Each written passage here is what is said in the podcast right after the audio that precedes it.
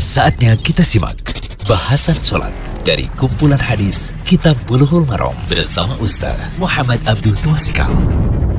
Alhamdulillah, salatu wassalamu ala rasulillah wa ala alihi wa man tabi'ahum bi ihsan ila yaumiddin. Allah manfa'na bima 'allamtana wa 'alimna ma yanfa'una wa zidna ilma. Kali ini kita masuk ke audio ke 125 dari pembahasan kitab Bulughul Maram karya Imam Ibnu Hajar Al-Asqalani kitab salat bab sifat salat tentang tata cara salat yang dibahas dari hadis-hadis Nabi Shallallahu Alaihi Wasallam. Sekarang kita bahas hadis ke-318 berdoa minta perlindungan pada empat hal ba'da tasyahud. Setelah kita membaca tasyahud. Hadisnya an Abi Hurairah radhiyallahu anhu qol qala Rasulullah sallallahu alaihi wasallam idza tashahhada ahadukum falyasta'is billahi min arba' yaqul Allahumma inni a'udzubika min adzabi jahannam wa min adzabil qabri wa min fitnatil mahya wal mamat wa min syarri fitnatil masiihid dajjal. Muttafaqun alaihi. Wa riwayatin li muslimin. Idza faraga ahadukum min tashahudil akhir dari Abu Hurairah radhiyallahu anhu ia berkata bahwa Rasulullah shallallahu alaihi wasallam bersabda apabila seorang di antara kalian bertasyahud maka hendaklah ia memohon perlindungan kepada Allah dari empat hal dengan mengucapkan Allahumma inni a'udzubika min adzabi jahannam wa min adzabil qabri wa min fitnatil mahya wal mamat wa min syarri fitnatil masihid dajjal. Ya Allah sungguhnya aku mohon perlindungan kepadamu dari siksa neraka jahanam siksa kubur cobaan hidup dan mati dan dari fitnah dajjal. Mutafakun alaih hadis ini diriwayatkan oleh Bukhari dan Muslim kata Ibnu Hajar seperti itu. Namun Syekh Abdul Fauzan mengkritik hadis ini cuma riwayat Muslim saja. Dalam riwayat Muslim ada tambahan idza faraga ahadukum min akhir. Jika salah seorang dari kalian selesai dari tasyahud akhir, berarti yang dibicarakan sini adalah bacaan ketika tasyahud akhir.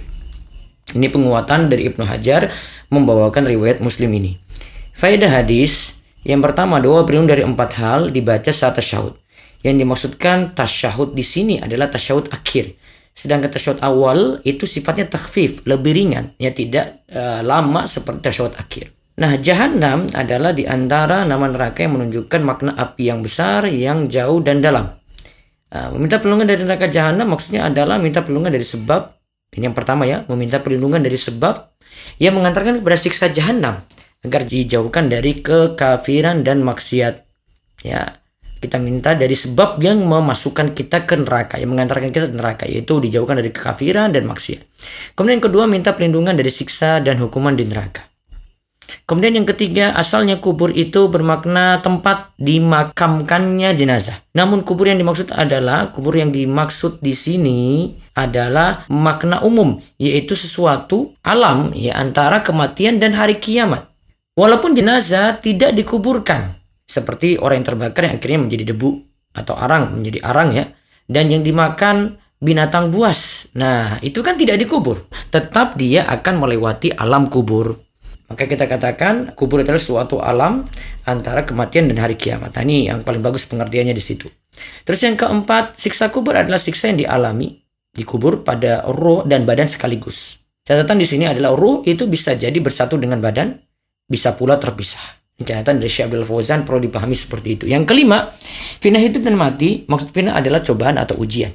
Adapun kita lihat fitnah hidup di poin ke-6 ini artinya cobaan yang dialami manusia ketika hidup berupa syubhat. Nah, itu ya, berupa syubhat dan syahwat. Syubhat di sini adalah yang mengaburkan antara kebenaran dan kebatilan, sedangkan syahwat itu adalah yang menjadikan cinta dunia secara berlebihan.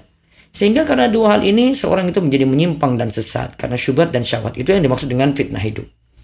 Adapun fitnah mati terdapat dua makna yaitu yang pertama cobaan saat sakratul maut ya. Ini menjelang meninggal dunia ini. Dan yang kedua, ujian pada mayit setelah kematian di mana ia ditanya di kubur dengan tiga pertanyaan mengenai siapa Rob, apa agama dan siapa nabinya. Yang kedua inilah yang uh, menjadi patokan yang menjadi patokan seorang mendapatkan nikmat atau kasiksa ketika berhasil menjawabnya ataukah tidak. Lalu tentang Dajjal. Nomor 8, fitnah Al-Masih Ad-Dajjal adalah fitnah terbesar di muka bumi di mana orang-orang jadi tersesat karena Dajjal. Dajjal ini termasuk fitnah hidup. Al-Masih Ad-Dajjal adalah laki buta sebelah. Keluar pada akhir zaman, ia mengaku dirinya sebagai Tuhan. Di antara dua matanya tertulis kafara, dibaca kafir. Yang bisa membaca tulisan tersebut adalah uh, seorang mukmin walaupun ia bukan seorang qari yang bisa membaca, tetapi bisa membaca itu. Yang penting dia itu mukmin. Dajjal disebut Al-Masih karena matanya itu diusap atau karena Dajjal akan mengusap muka bumi dengan mengelilinginya. Kemudian arti Dajjal adalah banyak berdusta. Dajjal akan keluar dari daerah timur dan keluarnya Dajjal merupakan tanda kiamat besar.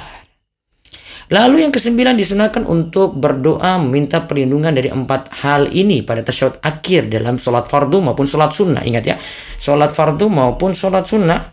Jumhur ulama atau mayoritas ulama menghukumi membacanya adalah sunnah. Bacaan dua ini tidak dibaca pada tasyahud awal karena tasyahud tersebut yaitu tasyahud awal sifatnya takfif atau ringan. Bacaannya itu ringan, tidak panjang. Wallahu a'lam bisawab. Semoga jadi ilmu yang manfaat. Demikian Bahasan Sholat dari kumpulan hadis Kitab Buluhul Marom bersama Ustaz Muhammad Abdul Tuasikal.